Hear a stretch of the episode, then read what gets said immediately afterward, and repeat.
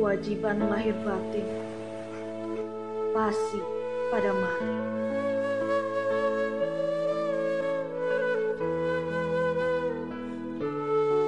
Di sana terdengar suara anak kecil menangis di paling sudut rel kereta api kota Jakarta. Ada jua seorang bapak dalam kebingungan meramuk doa selembut air matanya. Dalam riak-riak suara anak kecil itu, ia hanya bisa digauli gelisah dalam gelap. Ia beranak pinak sebuah harapan yang baru di kemudian hari.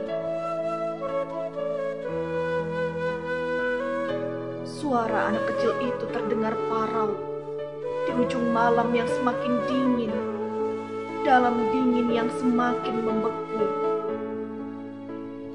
Bapak ditagih ibu, ibu ditagih anaknya, anak ditagih lapar dan dahaga, bapak ditagih menjadi pemberontak. Dalam situasi tercekik, dalam keadaan terisolasi.